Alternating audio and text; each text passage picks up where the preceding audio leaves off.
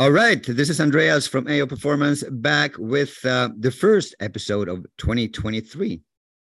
And and as you can see, if you've seen me before, and if you are actually looking at YouTube, I'm back in my little hotel room here in Washington D.C. That, as James said, looks like an apartment, which it does, but it, it's actually a hotel. We call it Residence Inn here, and, and I think I love that because I can make my own food. Anyway, enough about me. Today I have the biggest honor to have uh, a longtime friend. Actually, uh, we met uh, 11 years ago for the first time. We did um, uh, a fellowship together in the U.S. called the Gift Program, and um, we actually tried to hook up in Stockholm before that. Do you remember that? Yep. Yes. James wanted to buy me a pint because you he's from from uh, you're from Ireland, right? From the beginning. I am. I'm just just outside of Belfast, Northern Ireland. Outside of Belfast, yeah. So you were in Stockholm uh, teaching, and you asked me out for a pint, as you guys say. Um, but unfortunately, we couldn't do it, so we met in uh, in Michigan for this um, one year education called Gift with the Gray Institute. And I think the Gray Institute changed my life a lot. And I looking at the kind of books you have written after gift, I guess it will kind of affected your life as well. But anyway, James Earls, welcome to the show. And you are a body worker. You're going to have to explain what that is soon. And I would say you're a scientist too, because I know you do a lot of studies as well, right? Um, I don't I don't directly involve myself with the, the studies. I read a lot of science. I try to yeah. interpret a lot of science. Um, so I, I hope correctly. I try to do my best with that. Uh, I took a leap uh, four or five years ago and did a, a master's degree in, in, in science, in the science yep. of human anatomy and, and evolution. So I maybe maybe I've earned that title through that through that that master's program, but uh, I'm not actively a scientist. But you you did some studies with uh didn't you do something with the femur? I read something somewhere like the femurs that was part of my that was part of that program. Oh it was? Um, oh, okay. to, yes. So that was that was my thesis. Uh, we had to do a, a research project. And um, so they the department i was studying with was a department of evolutionary anatomy. And they try to interpret function through looking at bones, you know, so fossilized bones. And because you know, if you've ever seen the the, the dinosaur recreations on, on TV, right. it's like you know, they don't they don't know what the, the actual thing looked like or they all they have is the bones so right. they just have to recreate these things and and interpret how those things moved so i just thought you know that's that was exciting to me to be able right. to interpret how something moves by just looking at bones and right. that, so I thought, you know, the, the the department I studied with, we kind of were leaders in this this field, and I thought I jumped on board and uh, and worked with them for it was a I did it two years part time. Oh wow! And they they said, okay, James, you you go look at the femur and and look what happens whenever it's whenever it's walking. Um, so I had to create a computer model. It was it was all very basic. was, yeah, and a bloody nightmare as well. uh, yeah, I can imagine. Well, did you have any any conclusions from that that you can share? Um, I can share conclusions from other people's uh, research that I had to, you know, you have to read everybody else's research to try and inform sure. yours. And and what my model seemed to indicate was supportive of, of some other um, thinking, where quite often we think of bones being kind of either very solid or some of the literature says, oh, well, actually, bones bend a lot, particularly the, the likes of the, the femur, it's the, the long thigh bone, because um, it has a, our femur has a bend and a curvature kind right. of from front to back. So the hip down to the knee has a kind of a, a bend in it. And many people looked at that and said, well, that's that's obviously because that, that creates a spring. So every time that you load onto that bent femur, curved femur, it actually bends a little bit more, and then that helps you spring forward and you know, and you know, in, in my head, in kind of fascial world head, I get excited. Yeah. It's like, oh, we got a bone spring as well as a fascial spring, and and actually, the research shows that whenever all of the muscles around the femur contract at high at moments of high load, so particularly heel strike and toe off, that actually the the forces around the bone actually put the bone under compression rather than bending. Right. So the bone doesn't bend. The, the muscles actually prevent or help support the bone from bending, which means it, it's very stable. So so that and you know then it can all get very nerdy because we've already used some technical language of, of yeah. compression and tension and bending and yeah. curvatures and, and, stuff and can right. promise we can do that. Yeah. Yeah, we, we, we just before I hit the, the record button, and we, we talked about like I said to James that there's uh, a lot of athletes listening to this, so we're trying going to try to keep the language simple, even though we're two nerds. Um, so we're gonna I know we're gonna nerd away a little bit, but you know that's what we do but that that's really interesting because i think i'm like you like if you see like a bone bending that would be and you put compression on it that would in my head too that would you know be like a long-term bad thing right yeah um so it's a, it's a bad thing to, to break in and also you know from what we know about how the body adapts and how tissues adapt right. if you keep bending a bone it would actually start to curve and recreate more bone in the direction of the bend. Right. So having having a dynamic in the body that would be um, allowing the bend to happen would actually just create a constant change in the bone. And so you'd actually start with a slight bend, and then you know over time, by the time you're you're as old as we are, then that you'd have a complete curvature. You know, you'd almost kind of be bending round on itself so right. it just it doesn't make sense. You know, it it seems like a logical conclusion, common sense conclusion. It's like, oh, we have a, a curvature in the in the femur, so it acts like a like a spring, but actually because of and more terminology, Wolff's law, so the, the yeah. bones yeah. Re- respond to the to the um, uh, forces that act on it, and right. well, I would just put this into a cycle of just constant remodeling. And so, but not only is it dangerous, but it would also be kind of non-functional. Right, of course. Yeah. So, what what's the reason for that research? What because you said a heel strike. So you mean yeah. during walking and running, or just mm-hmm. walking? But my my research, the, the research that I've seen so far, has just looked at loading under um, um, repetitive walking. Okay. So it's research that was done in Germany, particularly, um, and then my research was just try, trying to replicate the, the load of, of um, walking because that's that's easier in the literature because then you don't get into the arguments over heel strike midfoot forefoot right. strike running is it in front is it behind is it below is it you know oh, and all of the confusions of running i think there's a pretty pretty accepted, you know, probably 99% acceptance that we walk with a heel strike to toe off. Right. and it's like, and most people are happy with that. But as soon as you get into running, then um, all hell breaks loose of right. the right way to run. Right, right, right, right. You're so right. Um, that's that's interesting. And so, what? How do we know if? How do I know if I have a bent femur or thigh bone?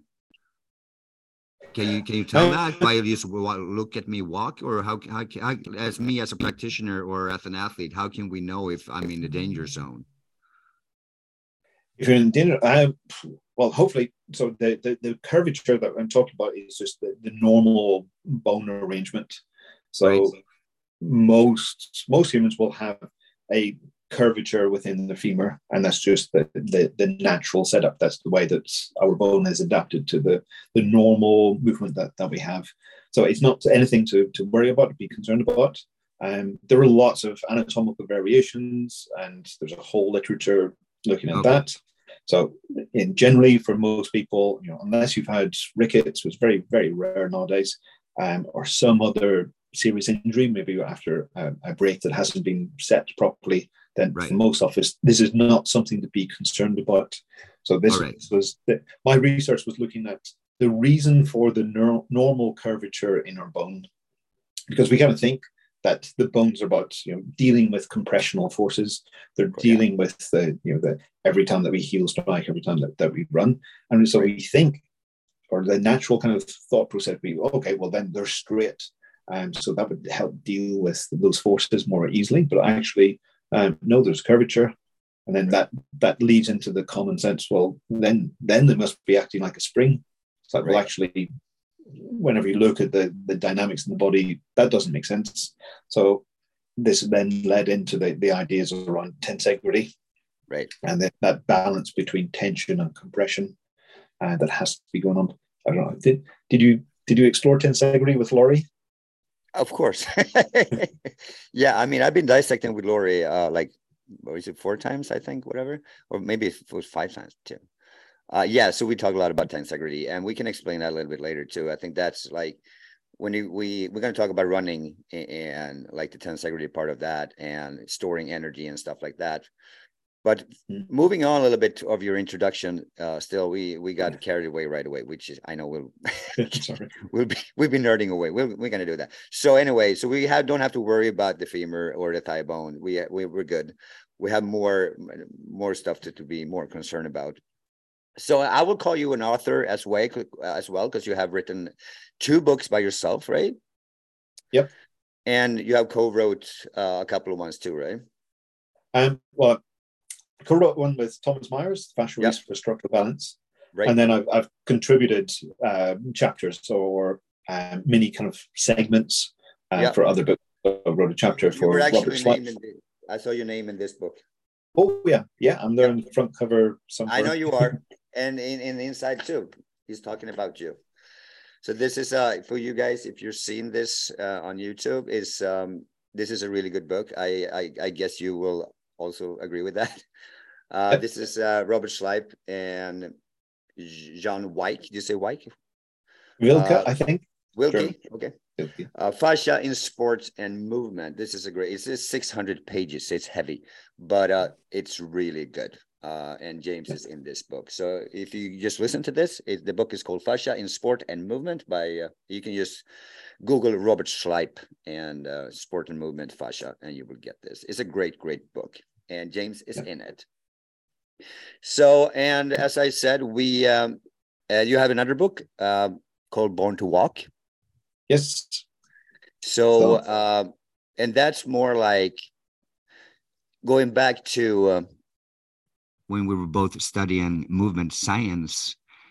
I remember first time getting uh, in in in touch with the Gray Institute, and he was talking about the foot because I had to stop playing hockey because of injuries and people were telling me that I had a weak core, and I'm like, I can back squat 220 kilos. I'm a pro hockey player. I don't think I'm weak anywhere, right? Doesn't make sense. But yeah. my mom always told me that I was walking so hard on the floor. Like, do you have to walk so hard? I'm like, this is the way I walk, you know? So mm-hmm. I asked people, like, could it be my feet? That is the trouble that I have back problems. And and they kept going, no, it's you have weak core. I'm like, whatever until I met Dr. Gary Gray. And I first came in contact with um, with one of his videos, like old videos. Uh, I, think it was called like the train and the track. It was like the patella femur problems. And you say if you have knee pain, it could be the foot, it could be the hip, it could be your shoulder. It it depends, you know. It can be anything. It can be all of the above, you know. And so it took me I don't know, maybe almost 10 years before I got into that big program and studied move, movement science when I met you. But what, you know, kind of struck me the most was how much talk about the feet that it was. So what's that's like the eye opener for you as well? Because I know you were a mm-hmm. body worker before gift. Uh, so tell me a little bit about your journey. What how did you first end up in gift and was it that a complete change of like the thought process for you when you're looking at human movement yep sure um I was I was teaching uh, body work and I was traveling a lot. So what, what is sorry to interrupt? What, what is body work for people that? Okay, uh, body work. I probably it's it's it's a way of avoiding saying I'm a massage therapist um, because there are certain connotations with massage therapy or massage and, and everything else. So uh, I trained in uh, in massage therapy, and then I also trained in structural integration and many other types of manual therapy. And so for, for many people, you kind of try to sometimes differentiate between well, the very obvious and very dodgy end of the massage industry. And then sometimes we, you know, as a structural integrator, I would be, I would feel kind of we do different techniques. We have different ideas and different different approach to to kind of the general massage therapy. So so I, I use a very generic body work. I'm I'm somebody who works with bodies, right? Which can be I mean everything. Uh, although Americans tend to get confused. It's like so you work with cars? like no. it's like you fix dents in cars. Well, I kind of I do that for people. Exactly right. Yeah. Um. So I was teaching a certain approach to to bodywork around Europe, and and you know this is a kind of classic story uh, that's stuck in my head. I don't know if it's absolutely true, but I was teaching a, a workshop in one city, and I said something, and somebody in the audience said, "Oh, that sounds like something Gary Gray would say." I thought, who the hell is Gary Gray? It was right. in my head. But we had a conversation and it was it was very enlightening. And the next weekend, the same thing happened. I was like, oh, wow. Oh, Gary Gray, I've heard that name before, but still don't know. And the next weekend, the same thing. Somebody mentioned Gary Gray, and you know, it was probably over six months, but you know, it was a relatively short period of time. Right. And eventually, after the third time, I went back to my hotel room and googled who the hell is Gary Gray, and all of this stuff came up about the father of function and you know, yeah. all of the wonderful work that that he'd been doing. I'd never heard of because he was more in the, the physical therapy, physiotherapy realm. I was right. more in the, the massage therapy um, realm. Um, and what he was talking about just seemed to kind of make sense. And I had a, a free weekend and I thought, well, I've never been to San Diego, so I popped over and I sat in the, the kind of classic American um, hotel conference suite yep. and listen to to Dave and, and Gary talk about the chain reaction and when the foot hits the ground, everything changes. And yep. I went, wow, um, this is stuff that I've never heard of being explained, sorry, not explained in the way that they were explaining it. And it made complete sense in in the, the continuity of the body, the integrity of the body, the way that you know so you know not only when the foot hits the ground does everything change but you know if you turn your head to the right everything changes. If you lift your arm above your head everything changes. It's like you know it's again going back to the kind of the tensegrity everything connected story which was part of the, the the the story that I'd been teaching but just with a different language and so then I yeah, that was I think October 2011 and I took a pretty pretty rapid um, decision to just sign up for gifts the next year and, and met all kinds of wonderful people, including yourself. Thank you. Yeah. Um, yeah. So, so my so my my my follow up question to this is, um, because I, I I waited ten years before I signed up, and you waited one month. So that's the difference between you and me. uh, but when you were speaking at when you were teaching and they compared like oh i heard gary gray say that was that about feet or was it like like the whole body is connected and everything is connected to everything and it's a chain reaction and what yeah. or was it were you were you into the feet already or was that the gary gray uh, mm. that open up the eyes for you for the feet we were certainly talking about excuse me talking about the feet but not with the, the depth and understanding, and certainly not with a, a functional approach. So we'd be looking at how to balance the feet, making sure that the feet are kind of you know, structurally correct in a correct position.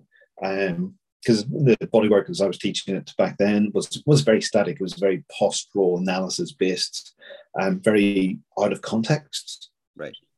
I, I would not say it was like, well, you know, it, it doesn't doesn't can pull over into the understanding of what actually happens whenever we whenever we move and that was you know that was something i, I didn't even know that i didn't know until coming across it's like oh actually people have this wonderful highly developed language and understanding of how to how to approach movement how to manipulate movement and how importantly how to describe movement right and through the whole system and we were talking about the whole system, but from a postural balance point of view. Right. And you know that that was it had its own power, it had it had its place, but it didn't didn't have the same depth um, as as I, I, was craving by the time I you know did a little bit more research with uh, about Gary and and his work. Yeah. So, so yes, we were talking about the foot, but not with the the, the real understanding of the mechanics. Now, for me, I, I come from pretty much only like the personal training world, and for me, it was just like mind blowing. I'm like, what is this? Mm-hmm. And I guess that's why I waited ten years because what I did, I bought. I think he had like sixty, I mean six six zeros DVDs. Um, so I had a client who maybe had knee problems. So I went home and I watched the knee video. And he said, Oh, it may be the foot. So I went back home and watched the foot video. And then, oh no, it's the hip. So I went back and I watched the hip video.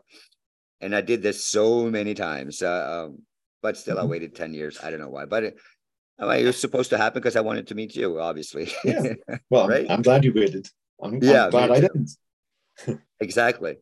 So, and so you you so you wrote what what was your like initial idea? Why did you did you want to uh, write a book called Born to Walk? We know we everybody knows Born to Run, and it's yeah, the Springsteen song is Born to Run, and the Springsteen is My God. So that's one thing. It's the best song in the world. Period.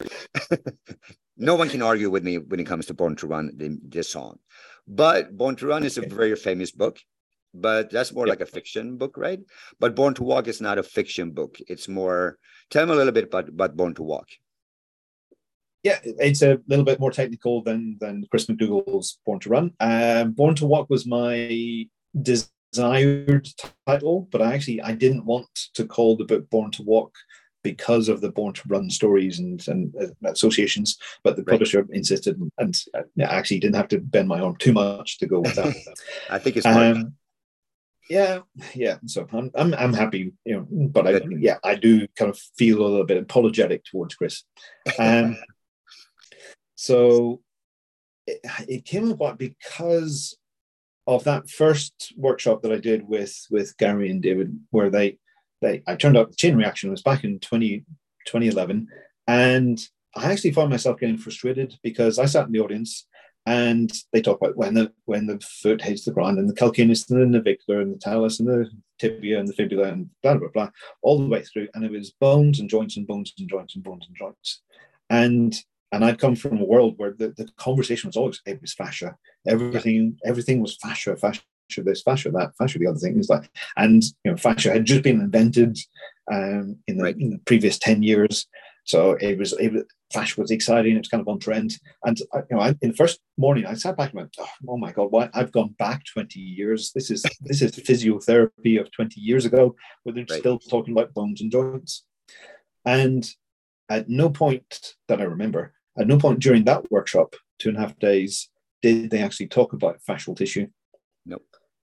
And and I found myself first getting frustrated and then starting as they built the picture, I was like, oh, am I allowed to swear? Of course. oh, oh, shit. Everything that they say about the skeleton and the, so the bones and the joints fits perfectly into the fascial story that that I've been telling. And it was from that. So Born to Walk was kind of born on that that that weekend of going, okay, well, actually, I can see the arrangements through the body, because you know, I've been speaking kind of soft tissue anatomy, and then they kind of help put that that final block in, in place of you know, of the bones. I went, oh, oh, okay. And when you put it all into into into function, then it's like, oh, now we have a, a reason for the the soft tissue patterns in the body. And I've been soft tissue patterning that had been my specialty, I suppose, for the previous 10 years. So right. well, actually, it all fits together, and the, the fact that it all fits together is, is should be obvious. It's like, well, you know, we work. it's like you know, we can move, we can run, we can play ice hockey, we can play paddle. We, you know, we can do all these things because it all fits together. It all cooperates. It all is coherent, consistent, up until, of course, the points in which it's it's not because we expose ourselves to too much or too little stress. Right. Yeah. That's amazing and i can i can really um, i mean born to walk is an amazing book. Even though you say it for practitioners i say it's for everyone. I think you can learn a lot because i think the language in that book is good enough for anyone to read it. So i think if, if you're interested in how uh, like how you're born to walk uh, you just read it because i think it's an excellent book you did a really good job there yeah well, i think thank you um then you moved on, and I think was it like when COVID hits, you had nothing to do, so you wrote another book. yeah. Um, so I'd always want to write and you know keep on writing books. I've you know I've been a, a, like many people a childhood dream. I, I want to write a book someday. Right. Um, and so whenever COVID hit, I went, oh, okay, now I've finally got time to write the kind of the, the functional anatomy of the whole human body. Because um, yep. we got three months of lockdown. It's like, yeah. of course, I can do that in three months. Yeah. Um, and I so I sat down and uh, and I started. I think you know a week into the planning, went, oh, I don't know if I'm going to get the whole body done in three months. um, so no. let's just focus on the foot. And so a year later, I finally finished understanding oh, wow. the human foot. Yeah. Um, you know, and and also I, I also feel a little kind of guilt of that because many people, you know, there are many people out there that are kind of you know proselytizing about the foot, the foot this, the foot that. Um, and I wasn't necessarily jumping on that foot bandwagon. I was just, well, this is the obvious place to start. Um, right. Because I don't think the foot is any more or any less important than the rest of the body. It has, right. its, it has its roles, it has its function, and it is very important. But is it any more important than the hip? Is it any more important than the spine, the shoulder? You know, it all, it all depends what you're doing. Right. But I think oh, you can't. You can't. I, I mean, I think the problem is more like you can't ignore your foot or your feet because no, I'm, i think that's yeah. what many people do. Like if you do a screening model, like look at the most screening models out there today. Not many. First of all, don't do a movement or several movements to look at how well do you move in actual movement or what do you mm-hmm. want to do what's your i mean do you want to play tennis or do you want to play hockey or you just you want to run or you just want to function in mm-hmm. everyday life do you test for that most like you said mm-hmm. before like most testing or screening models are like posture like stand up like this oh you look like your left shoulder is a little blah blah blah it is just a weird way of looking at how the body is really functioning i guess. Yeah. And yeah. most of most of that screening models forget to look at the feet. Yeah i think uh, the, at the moment there, there is a trend for looking at the foot. Um you know maybe five years ago there was a trend for looking at the glutes. And you know you were saying about um, some of your diagnoses of, of 20 years ago you, you were having problems because you were diagnosed by many people for having a, a weak core it's right. like we just we go through these trends it's like well we have, you know it's like the fascia was invented. The fascia wasn't invented 20 years ago. We didn't invent the foot five years ago. We didn't invent the core 20 years ago. We didn't invent the glutes you know, 10 years ago. These right. things were always there. And it's just the, the kind of the, the searchlight comes on to those areas. And then suddenly everyone is being diagnosed with, oh, you've got a, a weak foot, a weak glute, a weak core, a weak right. something. Right. And it's, I, I, I, I think these are wonderful things to go through. I also get right. frustrated by them because we get so carried away with it's all about the foot or it's all about the glutes or it's all about it's like, oh well yes these are important but we need to put it all into context yeah yeah and, and it, and, it depends on so many other things yeah and it's like and it, and it isn't it interesting that you're always weak somewhere mm-hmm. we can always blame something right yes yeah, it's the yes. foot it's the foot because i remember me as well like after gift too. I was always like, oh, it's the feet, it's the feet, it's the feet. Oh, look at that foot, look at that foot. I was sitting at like outdoor cafe looking at people's feet, like, oh, look at that guy's walking, you know. And I mean, that's I guess everyone that's gone through some kind of, of, of course or education or whatever in in human movement will, you know, uh, have been through this too, and I think that's normal.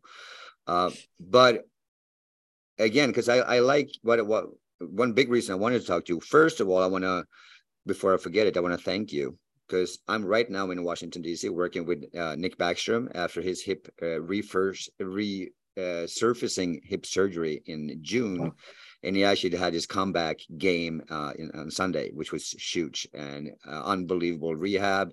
Uh, with his whole team, of course, it's not just me, and he's done an incredible job to to to get back on the ice. He's actually the first NHL player ever that's uh, coming back from that kind of a, uh, hip surgery. So that's well, huge. And but why I want to thank you is back in 2012 when I did uh, this movement science gift program and you were in my group, you opened my eyes to fascia. Yeah, because I never heard it before because I was a muscle guy. So you came from from fascia and, and you know hands-on manual therapy and, and body work and all that. I came from biceps and hockey, elite sports.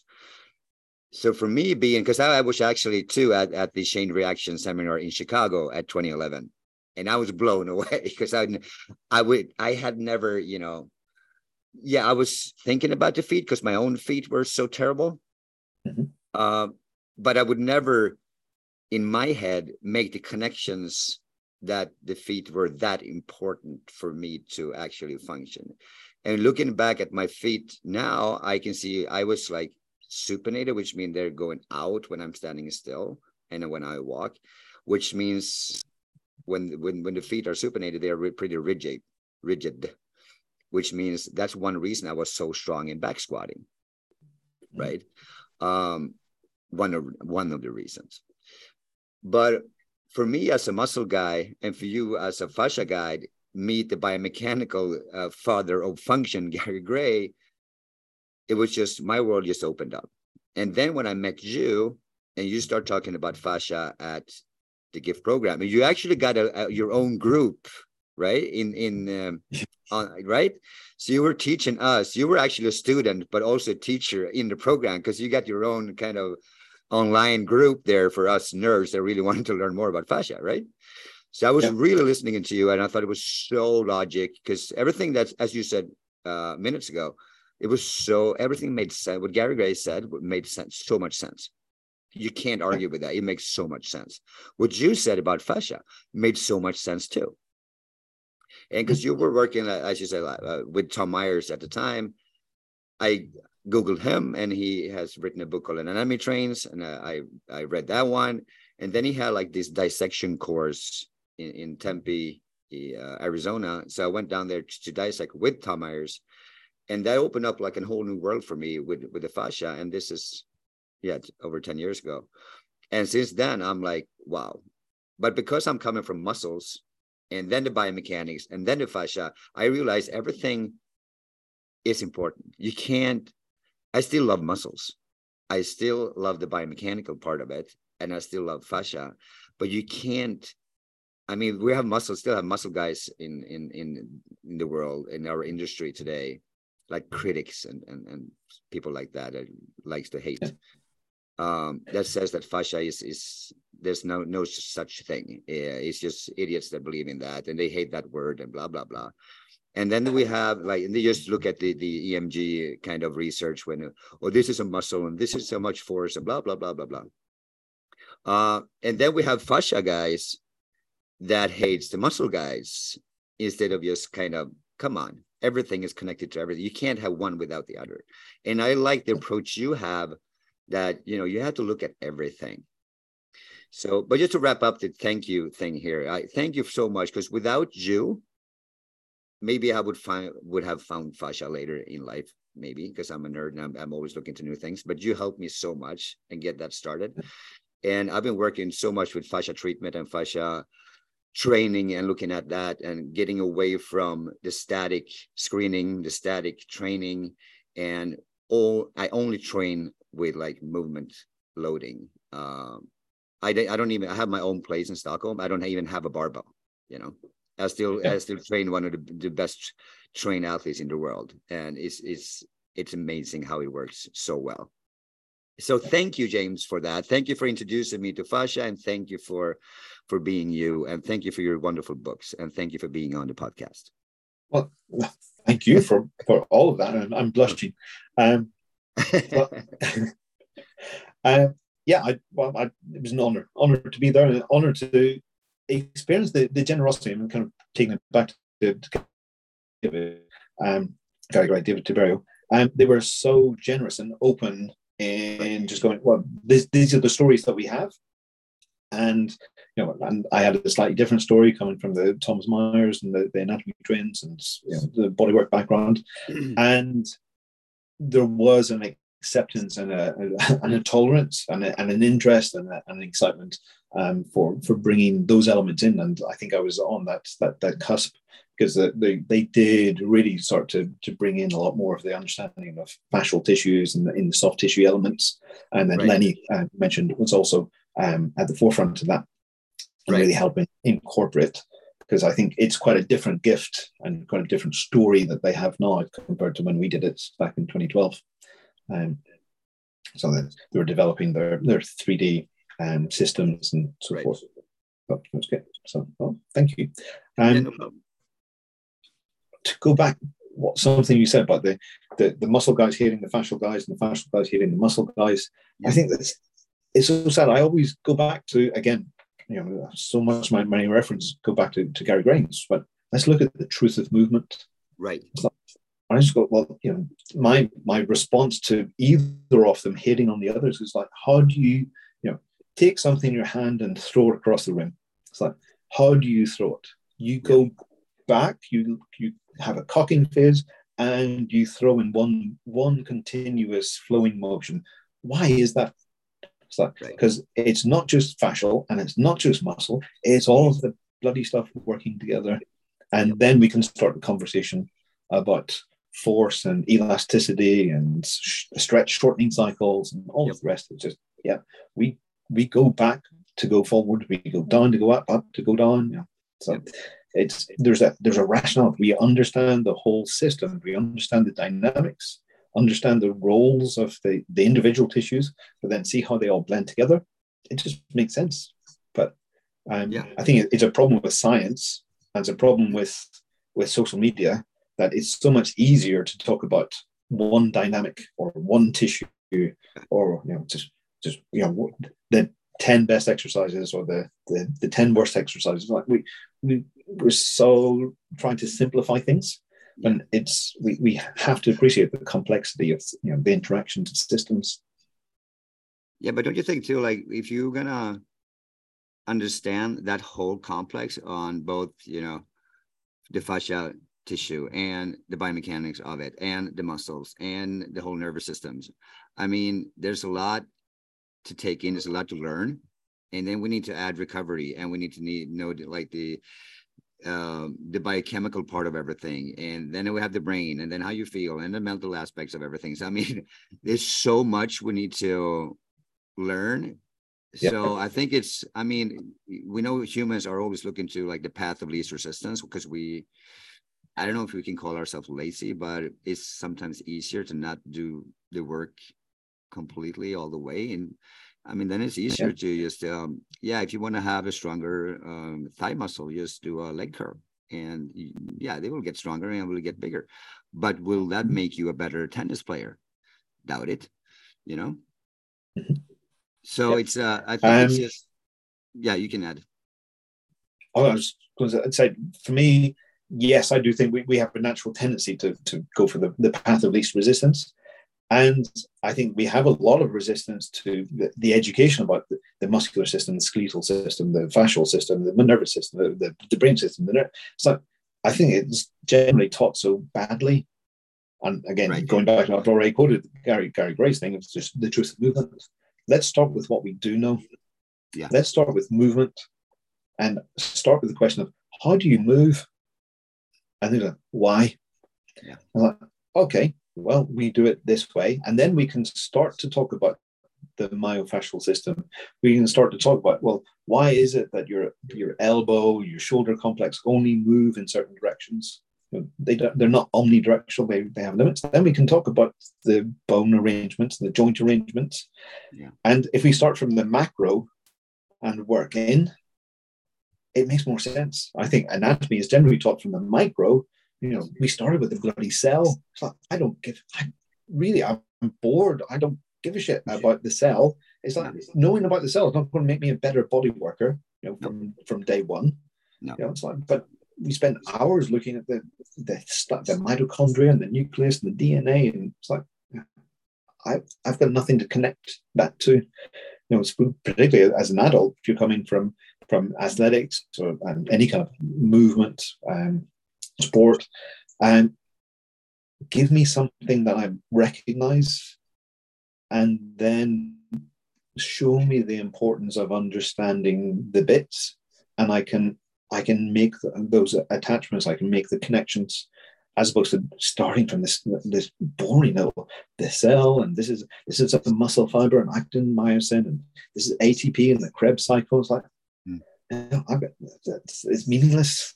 You know, and you know, they, there's the the expectation that if I keep building up this big picture, if I keep giving you all of this complicated Latin, Greek, and chemistry and whatever, somehow if I throw all that at you, you'll understand how we function. like, really? And you know, in, in the anatomy world, it's like you know, in bodywork world, we, we don't have a clue how we move. No. Because we started our education from the little bits. Yeah. As opposed to what particularly Gary and, and David do, kind of let, let's look at movement. Let's let's just look at all of the variables and be happy in that that complexity. So it's like there's so you you mentioned a number of times that it depends. It's like yeah. it depends on all those variables. Like, know, yeah. that's fine. That's the world I live in. I am exposed to all of those variables, so changes in temperature and speed and you know, power and so forth. It's like, yeah, I know that. I can experience it. It's real. Right. And I think, sorry, for me, the, the way I um, look at it and the way I work with it is I try to simplify it with, let's say, okay, James, you come to me with, uh, you want to play tennis and then i want to see how you move in those kind of directions and the speed and everything that tennis will you know do for your body so to speak. Um well do you have the range of motions for the shoulder to do a tennis serve? Uh have you have you have your arm above your head more than two times for the for the last 20 years right? Um and when like we have the sport in sweden that's exploded uh over the years now called padel and like we have like people going there that haven't moved pretty much at all in in a lot of years and then they are out running and the achilles tendon is boof and and they do like two hours of this. And like oh my shoulder hurts so much. Oh i got a frozen shoulder. You know it's just i'm like yeah i wonder why you know? Because so for, for me it's just you come to me okay and i ask you what do you want to do? Uh, what do you mean? Like what do you want to do with your body? What do you want your body to be able to do yeah, I want to do this. Okay, cool. Let's test you for that. You know, and as they move, I look at the foot, I look at the hip, I look at everything and how well everything moved together. And when you mm-hmm. look, you do it that way, it's not that hard to see. I got my Molly, my daughter is eight. She could, she, I would promise you, if I asked her to look at someone that moves really bad, she would see that. Like, and that if it's that obvious, it's probably something wrong with it right? Then we need to address it. Yeah. And then we can go down to a nerdy level and say, okay, what if you have pain in your knee? And then maybe we need to know the, the function of the foot and the function of the hip and, and to really recognize, okay, what is like the cause to the symptom, right? But for most people, just looking at they move, how they move uh, for what they really want to do with their body, that's enough. What do you think about that? Yeah, I'm, I'm, I'm, I'm with you. It's we need to see where people are starting from. What's what's their end goal? What's what's the, what are the demands of the sport? Um, what extra range will they need to be um, safe to play within that sport, um, or to have the, the extra power, or to, to have the extra extension to to, to, to win, um, and then and then build up so the the abilities to to explore. And there's also that innate understanding, the innate sense from the from the athlete. It's like, well, yeah, you can feel the why that you'd be working with their foot to improve their their shoulder range because there's an immediate feedback um, that, that, that they get, and it's you know as a practitioner, I know I I that that ability was actually taken out of me because of the way that we were taught anatomy. So we right you know, this is this is shoulder day. We'll talk about shoulder. We explore all the shoulder. We do the all the orthopedic assessments for the shoulder, and they're yeah. brilliant assessments because they don't assess anything else in the body. They just assess the shoulder. Right. Um, but that's not how we function. And no, I, and the, yeah. there you go. Yeah, the normal the normal un unanatomy trained individual in the street has a much better sense of the continuity of their body um, you know, it was only a few years ago that I, I realized I had a memory of me trying to, you know, do you remember that shaky kind of period where you just learned to ride the bike? Yeah, oh, yeah. you were still a bit, still a bit wobbly. Yeah. And I remember getting confused why I got particularly wobbly whenever I turned my head to look over my right shoulder. I'm like, but but why are the handlebars moving whenever I turn my head? Right. Like, I remember kind of working out. It's like, oh, it's because it's because my arms move whenever I move my head. It's like I don't know, I was seven or eight or something. You know, but then I, I started learning anatomy and and that that understanding that appreciation was just lost right. because we were taught in, in isolation.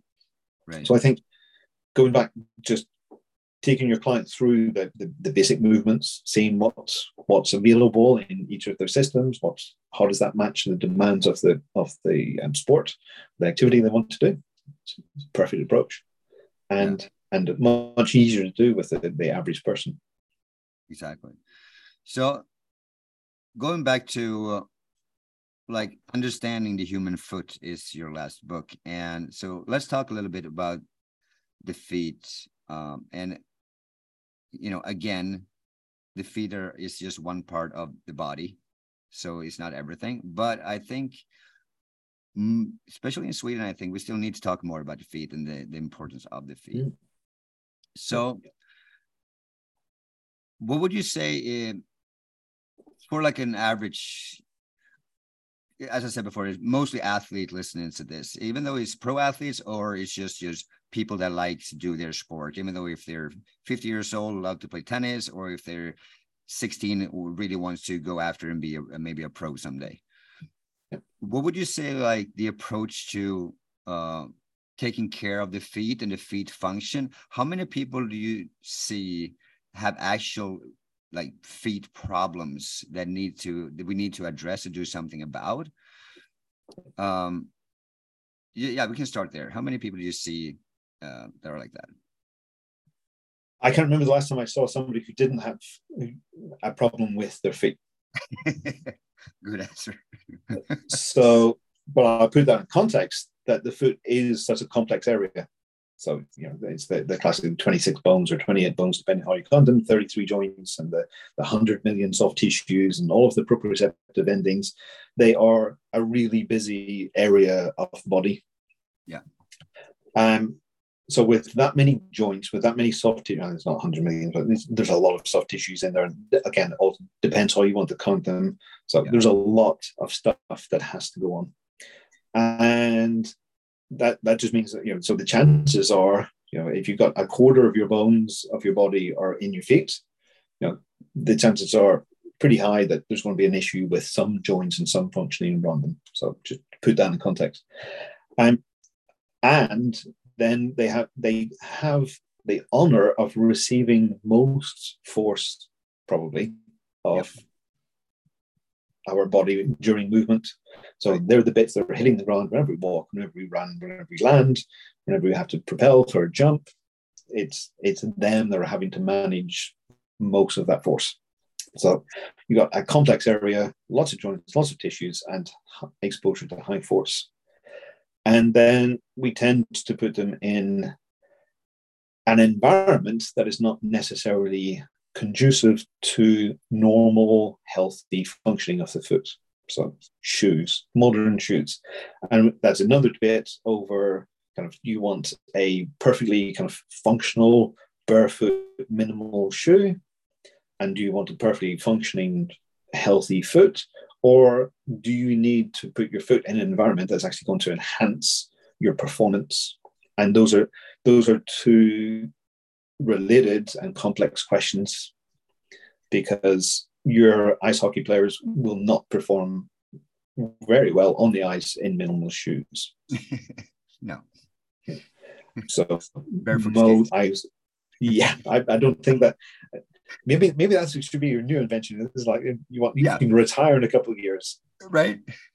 Yeah, possibly on the fallout of all of the injuries that you have to deal with. Right, and then you got one shot on the bones, and you go. You will have not twenty six bones. You will have one million bones. so bone pieces. Um, so with, with all of that, um, then is it, it is an area that's just going to be be prone to, to injury um, because of its architecture, because of its its function, because of the environment that, that we put it into.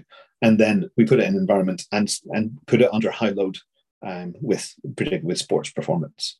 So, so I think that that's why there's a there's an epidemic, and I think this is a brilliant phase that we're going through over the last five to ten years of it's like many people looking at foot in the way that we had looked at the, the glutes, in the way that we had looked at the at the core. It's like this is brilliant. This is this is necessary, and we're going to learn a lot as we go through this phase. And I hope that many more practitioners will have a better functional understanding of the foot as we go through it, and not just pile into the, the social media led kind of panic stories and simplifications and and so if if anyone's thinking about okay well how do i manage my foot? I think the first thing to do is find a well-trained functional trainer functional podiatrist anyone who has a, a good solid understanding of the complex mechanics and able to put it into context of, of the performance that they, they, they want to do, whether it's ice hockey, basketball, American football, whatever it is, Right. Each of those will have a different demand on the foot with a different environment because of different shoe or boot that the, that they're wearing. So I think that's that's essential. Yeah, so that's that's huge, and then we we, we can recognize right away that I think. I mean, if you look at sports, and I mean, just take running, you come from a flight phase when both feet are in the air and you land most of us land on the on the on the forefoot when we run fast. Talk about demand right? Talk about like high force. When you come from like you jumping really you jumping jumping up in the air and landing on like half of your foot. I mean that's a no-brainer that something can uh, like easily happen if the foot is not properly functioning. So yeah. what can one do? So let's say um I don't know if there's an easy answer, but probably not. But um, for like athletes out there, even though you, they have a hobby to do sports, or there are in in are a young athlete that in in pro sport or, or in sports or a pro pro athlete, whatever. Because mm-hmm. I have like every morning, I have a habit. I have a, a little ball that somewhere around here, obviously whatever. Uh, and I I roll my feet every morning for like a couple of minutes. Mm-hmm uh, to start the day with. Uh, I do that every morning, and I use um. Do you know floss band? Yeah, I use a floss band around uh my my foot, ankle, Achilles, uh, because we know like we've seen it in studies now a lot, and I think becoming more and more studies about like the the, the dynamic fluids in our body and, and the fluids that are outside the cells. And the older we get, the more they kind of dry out, which kind of puts us in a place where you get easily injured. Mm-hmm. Um, so I feel like that's a really good start for me in the morning. Yep. Uh, would you say that's a good thing to do for like everyone, or doesn't like if you're 16, you don't have to do it because you have so nice fluids anyway? Or do you need to start at after 25? Or is it just good to create a good habit when you're young? Uh, always good to start habits, uh, good habits whenever you're young. Stay away from the bad ones. Yep. But you're 16, so enjoy life, um, but not too much.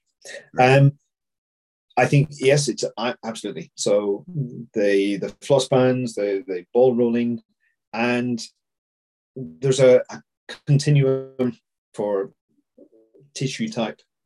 So some of us, some of us are naturally, you know, some some tissues or feel as if they're they're they're stuck at 16. It's like it's brilliant. They're, we're so fluid and so adaptable and so mobile. And some 16 year olds can feel like they're 65 whenever 100%. you feel their their tissues. Yeah. And so you can have 65 year olds that feel the 16 year old tissue right. and, and right. vice versa. And so there's no universal um, prescription. So it depends on your tissue type. I mean, very very loose with it. The 16 to 65 It's You know, it yeah. just some of us are some of us are stiffer, some of us are more fluid. So the fluid types tend to need more strengthening exercises. So maybe less of the ball rolling, less of the flossing, and more hopping, skipping type exercises. Yep. More heel rises and, and so forth to, to strengthen the, the system. And the the more stuck them. What Robert Schleip talk, talks about the, the Viking type Yep. The, the, the more heavy muscular, soft tissue dominant, stiffer, um, northern Scandinavian idea. I- i.e., hockey players. yeah, possibly. Those that put on muscle more quickly and Yeah. kind of stockier um, would benefit from more of the mobility. So it's that Yeah. uh, mobility to stability um, spectrum. So if you're on- on the more mobile side, think more of this um, strengthening. And if you're on the, the, the, bulkier, stiffer side, then think more of the, the mobility exercises. Um, and you might have the own your own insight into which type you are but I think it's best to have a, an informed second opinion because we all have our biases. Because you know the, the stretchy types tend to just feel better for stretching more because it feels good, and the, bu- the bulkier types just love to go to the gym and and pump some iron, um, and that's the the prejudice and you know that that's the good habit that we we fall into. Yeah. So I would encourage anyone to kind of just have a second second opinion. Say, okay, so where should I spend more of my my workout time or my my exercise time or my my own maintenance time? Right. But that, and I think I love that because it's uh, I I found out when when we started when I started to read a lot about uh, elasticity and elastic recoiling, uh, like springy tissues and all that. Because I was I was watching, okay, how can I get my athlete to get even faster? Because elite sports are getting faster and faster. I'm like, okay, so how can I get them faster? And I'm like, okay, track athletes are the fastest guys on the planet. Just like the 100 meter runners. So, what do they do more than sprint to get faster? And how came, why are they fast at sprinting? Uh, you know, taking aside the gene part and the DNA and, and all that.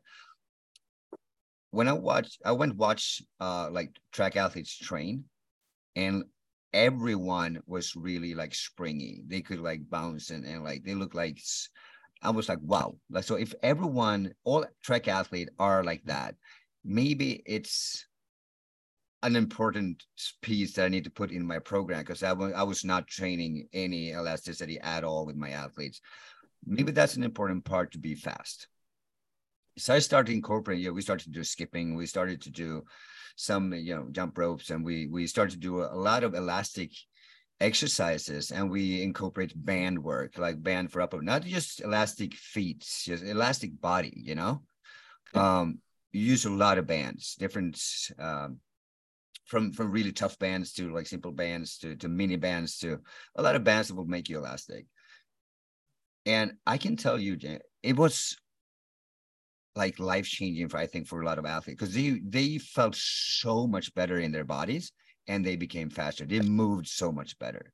I was blown away too. I didn't expect that because we had good results before that. But this is just wow. And I can tell you myself, I move better today than 30 years ago, which is sick. Yeah. Because I have, I'm a lot more elastic today in my whole body. I have zero pain anywhere. I feel great. I can, if I want to play tennis in when we're done talking here, I can do that. Uh, if I want to play hockey, I can do that. I can I can go skiing tomorrow and I can do that, no problem, because I'm ready for it. But a lot of that has to do, but because my body are really elastic, I can handle those kind of, of forces to my whole system. You know, so I yeah, I have muscles. I'm I'm fit, but I think what really changed me and my athletes were when I really incorporate that elasticity thinking to to my programming. Could you Yeah. see that too? Absolutely. I um I think I, I referenced the the stretch shortening cycle um, Right. earlier. And stretch shortening cycle is that just going going back to go forward, the going down to go up. It, it is the going in the opposite direction. Like in squatting before to- you jump. Yeah, you know, it and it, it's it's natural. It's it's something we just learn as kids. It's like, oh, I, I can throw I can throw this paper ball further if I kind of take my hand behind my shoulder a little bit and kind of and get a little bit of extra power, force, range, something. And you know, and there are many dynamics within that. And this was again going back to that muscle versus elasticity. Um, and it's it's it's a it's a almost a free energy. It's a it's a free dynamic. It's like we, do- we don't need the fully the, the extra muscle to to to um, to get that extra force as a as a kid. But if I have a little bit more bulk, then uh, yeah, of course I get a little bit more more force and, and power right. um, into the into the throw. And and for me, it was a I got confused by why it had dropped out of the literature whenever I was kind of again learning anatomy mid mid 90s it was like it was you know what what what happened? Because plyometrics so plyometric stretching it's like mm-hmm. that was that was just evil. That was oh, that was totally contraindicated you should never do that because you're going to die if you ever bounce in the stretch. And and that was that was the orthodox approach whenever whenever kind of growing up in the in the bodywork world it's like never bounce in the stretch um and I was just like, well, you know, that's the those are the authorities. They obviously know much better than I do because I, I can't tell a bicep from a tricep. Um, and then I started hearing about fascial stories, and then started looking at kind of at the efficiency of human movement. And Robert Schleip, who you mentioned about the, the fascia and sports book, um, started talking about elasticity of human movement. And I started doing a little bit, a bit, more research. So I, I'd like comparative and evolutionary anatomy and realized that, oh, all, not all, almost all of the literature looking at tendon elasticity was done decades ago, right. 60s and 70s. But they looked at kangaroos, they, you know, they looked at bush babies, they looked at wallabies, they looked at, you know, they looked at everything other than humans almost. Right. You know, there's a little bit in running, there's a lot in horses. But it's like, oh yes, we have we have all of this understanding of tendon elasticity in animals, but we won't talk about it in humans because plyometrics is evil. And we know that that, that, that is just the, the fast road to injury and death. Um, and thankfully, you know, we've got a much better understanding of plyometric type exercises using bounces and, and recoils, and right. a much better understanding. Finally, we kind of come out of the, the muscle based story into, well, yeah, they, this stretch shortening cycle, they're putting a little bit of elastic load onto the fascial tissue, has many benefits for the for the movement strategy overall. It it benefits so the uh, uh, muscle force output, benefits timing, and it benefits just from the extra output from the from the tendon stretch. Yeah. Is able to recoil. So and all of that style of movement also helps with that hydration that you mentioned before. It's like using the kind of loose bouncing. It's like we're just getting t- uh, fluid pushed in and pulled, sorry, pushed out and pulled yeah. back into the tissue. So we're getting fluid exchange. It's like it's just there's so many benefits to that style of, of training, and it was because of the muscle bias that we lost it. Right. I think so. We had a couple couple le- lost decades. But thank God it's back, and I I mean again, I I could not believe the result when we start doing that, and I can't believe the result with myself either. It's like I feel so good today, uh, just by incorporating that kind of training in in, in my world. Um, and of course, I'm I'm getting more trustworthy when I'm speaking about it because I've done it myself too, right? Uh, yeah. yeah, it's un, it's unreal. And so going back to like the kangaroos, they that like they use like the elastic recoil, and that's why they can jump so far. Because I think researchers they looked at do they have like fast twitch fi- more fast twitch muscle fibers? Uh, they didn't. Uh, they don't no. have big enough muscles to jump that far. So there have to be something else, right? Yeah. And we humans have the same kind, right? So that's why we can jump like long jump. Uh, what world record is what 895, eight meters, 95 centimeters, almost nine meters, which is pretty far too for a human being to jump, you know? Yeah. And I think you're all on spot when when you say like plyos plyos today because we do plyos like the old traditional plyos with like muscle jumping and we do it with mm-hmm. bouncing as well like elastic recoil we do both because i think you need both you know so we can't forget the muscles we can't forget the fascia we need to do understand both worlds and um anything to add to yeah that? i think you know there were there are so many people, many people I know that that just have trained themselves in movement and explored movement, and you know there are many many athletes that have their own kind of well honed sense of themselves and what feels right during training. Yeah. And many indigenous, you know, so there's kind of a whole trend of looking at indigenous populations you know, they, they just move beautifully because nobody's told them how they shouldn't move or how they should move. And, right.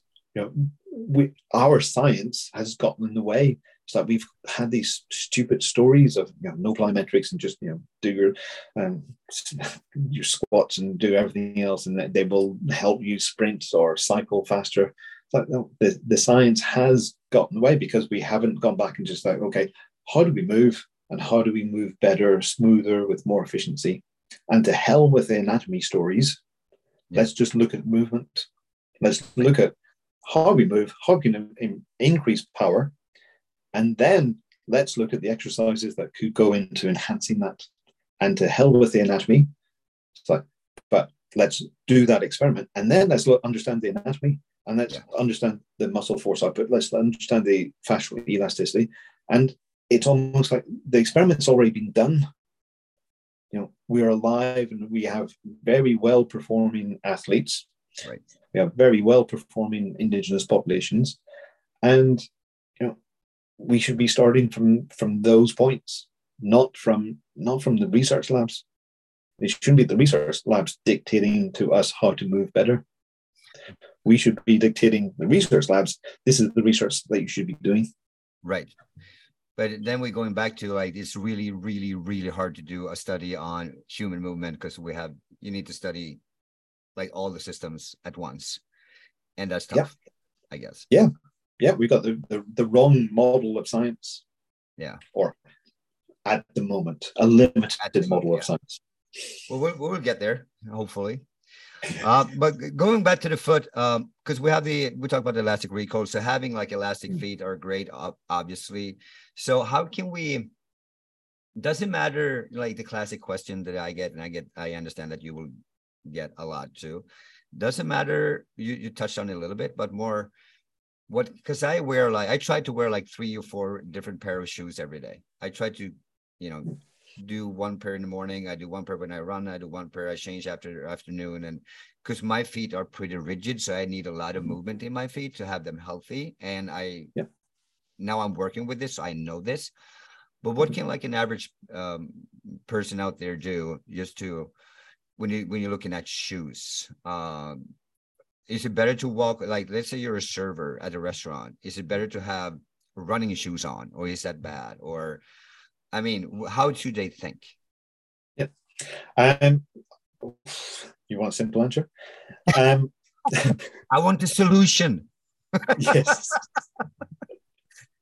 So no. i think well you know to to change the story a little bit um in the in the last 10 years sitting sitting has been the, the, the, new smoking. It's evil it's, it's bad and we know that that we should change our work environment during the day. So we should it's fine spend some time sitting. It's good to spend some time at a standing desk. It's good to spend some time reclining in bed and, and doing some time. That's that's where i do a lot of my writing hotel beds. Um, and there's nothing wrong with any one of those environments. It's being stuck in any one of those environments for too long, yeah, repeatedly every day. So it's it's the same as training. Is it's it's about exposing our systems to different stresses, and I don't mean stress in the bad sense. I just mean different different force inputs, different environments, yeah. and it's the same with the feet. And so in the same way as we had sitting, sitting is the new smoking. We're all going to die because we sit for too long we could, you know, to some extent, we could say the same story of the, the of our feet, because well, our feet are dying because not, not literally, but they're dying in terms of function because they're stuck in the same environment all day until right. the end of the day when you take the shoes off and relax, right. depending on the shoe that they're in. Right. And so if you're on your feet all day, so you said about the server, so if you're doing a, I don't know, an eight hour shift, then having a, an environment where your foot is mobile could be ideal and could help you strengthen your foot. But if you're on a kind of concrete based floor all day with minimal protection and doing God knows how many miles in and out of the the um, the kitchen onto the onto the floor, right. that's going to be a lot of stress. So eventually, you might actually want the the perceived comfort of a little bit of a sole, Yeah. but generally soled um, shoes come with a little bit of restriction in their a bit and they um, they restrict the ability of the, the foot to kind of open up and spread. Yeah. So I would put it in it, it's all these this equation almost of the different in- variables. It's like what kind of foot type do you have? Or are you naturally more mobile and therefore want more strengthening? Yep. Or are you naturally stiffer and therefore want more mobility? So what shoe type should I choose? How long am I going to be in the environment for? So you know, I think it would be a good idea in your example to say, you know, change shoes halfway or you know twice during the shift. It's like, Right. Because your feet will kind of thank you for it. It's like, oh, this is a is a you know, breath of fresh air.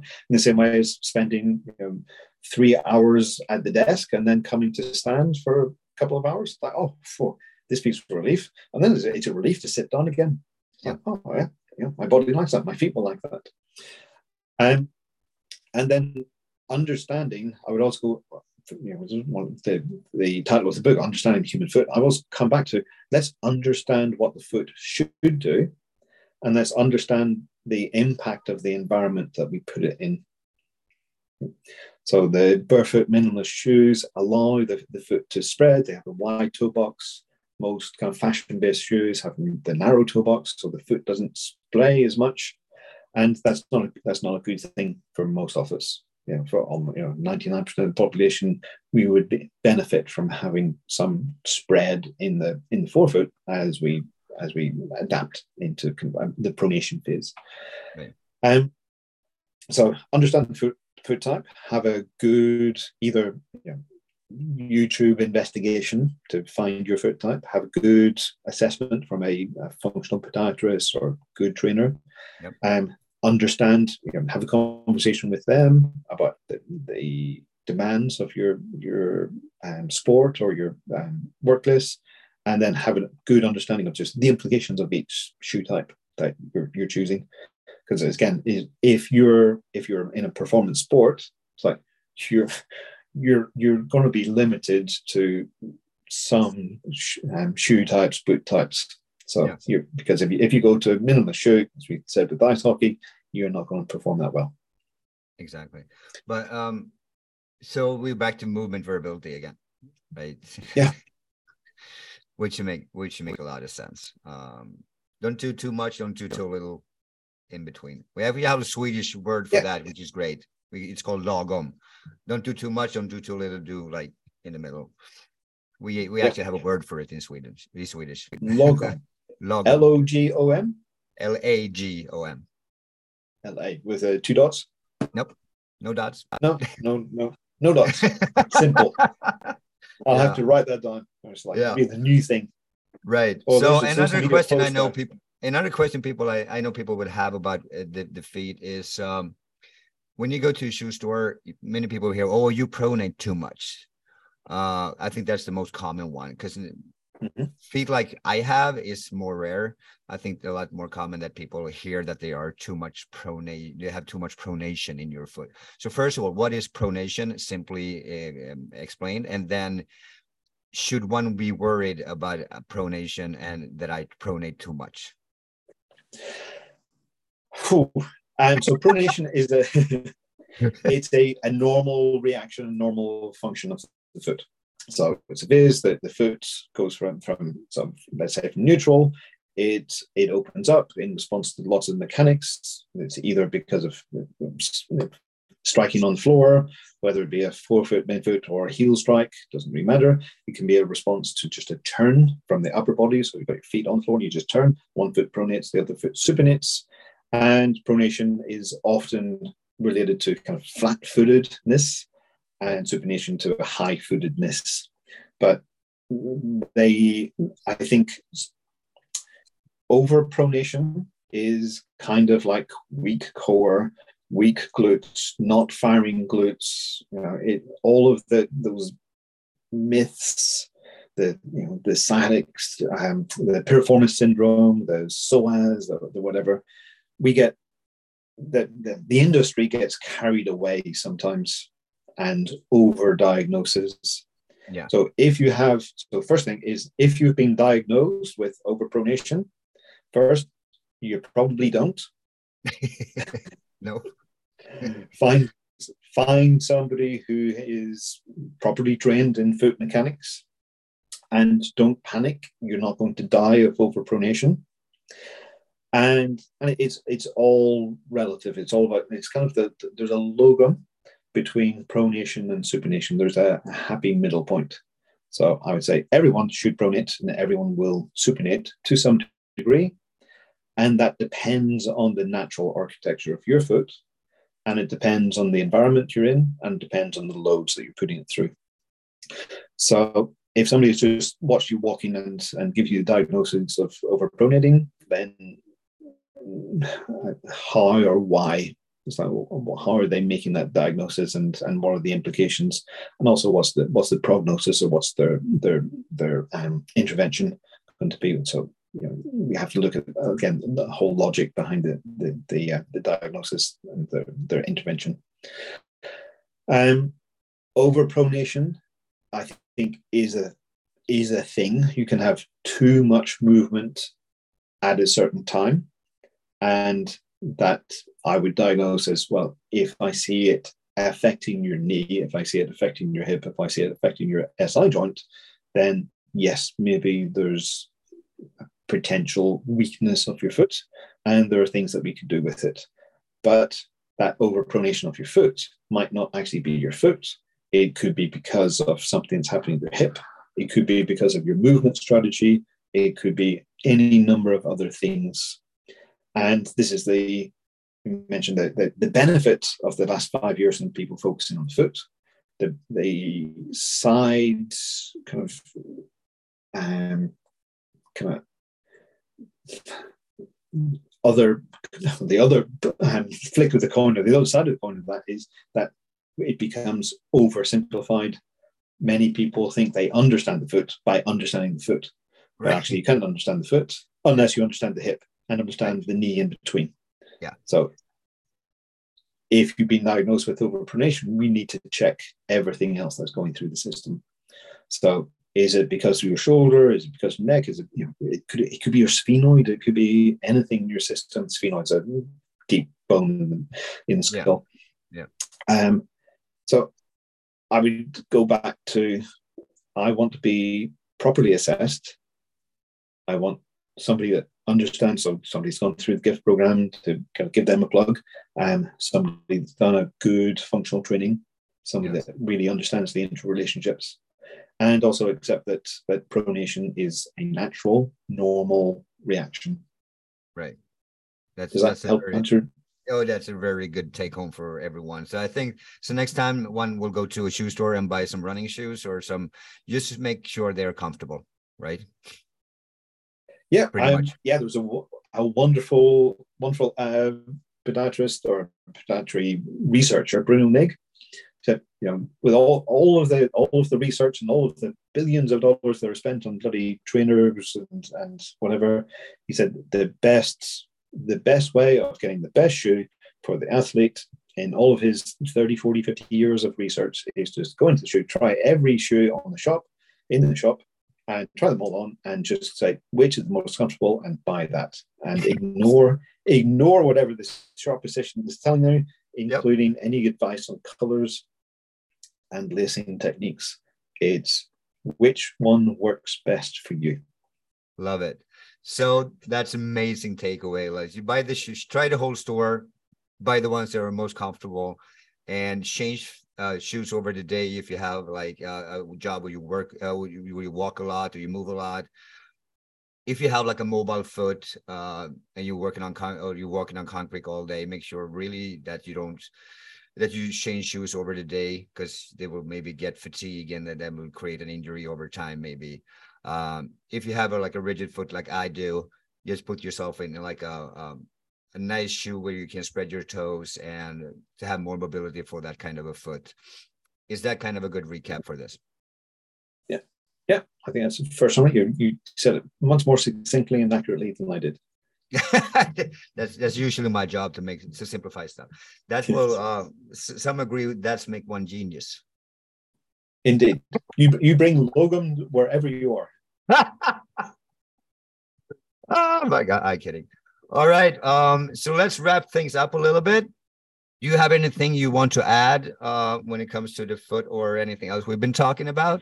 Do you feel like this is a really good take home for for the listeners? I think one get to know your foot, um, yeah. play with it, explore it, um, and and if you want a happy and healthy relationship, explore your partner's foot as well. Oh, and oh, that's good. Get you know, know what? I love foot massage. Like, yeah, love. Yeah, that's. I think I agree. Yep, I agree. Um, for for happy, healthy relationships, I think one of the top tips is learn how to give a good foot massage. A hundred percent. Yes. so learn to love your foot and learn to love the foot of your of your lover. yeah, learn to love the foot. If you want to date me, just uh, make sure you can do a really good foot massage. um that's that's been amazing. It's so much knowledge here. We uh hopefully we can talk soon again uh, because this is we have so much to talk about and I'm so happy we did this. And I'm gonna put your your books um in in the text so people can buy them because I think both books are I think I understand the human foot. Like first, I I kind of scared you in the beginning before I hit the record button. I'm going to ask you a question that was kind of. Um, so you've been nervous yeah. for an hour now, right? yeah, I forgot about that. yeah. Uh, well, that's good you forgot about it. But it's it's like, no, I used it was just a funny question. It's just like this. So here's the question: Why write a book about feet? because it's just the nerds like me that's going to buy it. You're not going to get a become a millionaire by writing a book about feet. Am I right? Yes, you're right. Um, yeah, I'm far from being a millionaire. oh, um, I wish the whole world would read it though. So I hope you're going to become a millionaire because people need to read this book. Uh, it was just a joke. I think this book is really, really good for anyone to read. Um, would you say, like, if one would choose between Born to Walk or Understanding the Human Foot, if they're not a practitioner, they just like an athlete or you want to understand the foot more, which one would they start with? I would start with uh, Born to Walk. Born to Walk. It, okay. It's more general. It's it puts the, the rest of the body into context. Um, and and to, to come back to your question, why why write a book on the foot? Yeah. Um, I didn't I didn't start writing the book on foot. I right. I wanted the whole body yeah, you but wanted to hold my. It had to focus on something, and what I tried to do in that foot, or sorry, in that book, is to explain the principles to understand anatomy. So you're absolutely right. It, it is about the foot, but what I've tried to do is put in as many principles about movement and function, so that the rest of anatomy makes a little bit more sense. So, and particularly that, um, that the chapter on kind of fascial dynamics and the skeleton and, and yeah. just looking at form and the interaction so I did try to get kind of a big picture into just the foot. But, I love yeah. it. Uh, I mean, I I uh, actually I love the human. Uh, that's uh, the last book too, the understanding human foot, and I actually gave it to. Um, I've been helping um, uh, an alpine skier for the U.S. ski team, Nina O'Brien, with her rehab after she crashed during the Olympics, and her uh, medial maleo just was outside uh, the skin, so the bone was outside the skin, inside the ski boot, so it was bad. It was a bad injury. Yeah. yeah. so we're doing her rehab, and it's been great. She's uh, she's actually skiing right now. She's she's back competing on the world level in World Cup, so it's absolutely amazing. So when we first had this return to snow um, in a thing in in uh, September, I brought that book. We met in Brussels, and uh, so I brought that book so she can read about it, and she loved it. So she stole it. so she still has it. Uh, no, she didn't steal it. She just forgot to, to to return it to me. But uh, no, she liked it too. And so she's an athlete, and she likes it. She enjoy it. She learned a lot about her own injury because of reading that book. Yeah. So I think you just read it before you get injured, so you understand what to do before you get injured. Yeah. Yes. Cool. I, I like that approach. I think everyone should buy it and then lend it to somebody who is equally uh, forgetful, and it, it, doubles the sales. And maybe maybe eventually I'll become a millionaire. yeah, but you know what? The, if you become a millionaire, you know what the good part about that is? That so many people are aware about their feet, and they will feel better, they will move better, and have a better life. I hope so. Right?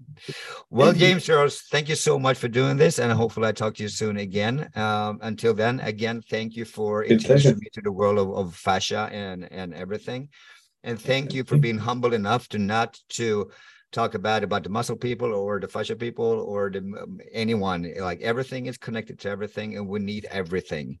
And I 100% agree with that. And I don't hate anyone. And I love this. So thank you so much. Thank you, Andre. Thank you. It's been a pleasure. Thank you. I'll talk soon. Take okay. care. Cheers. Bye.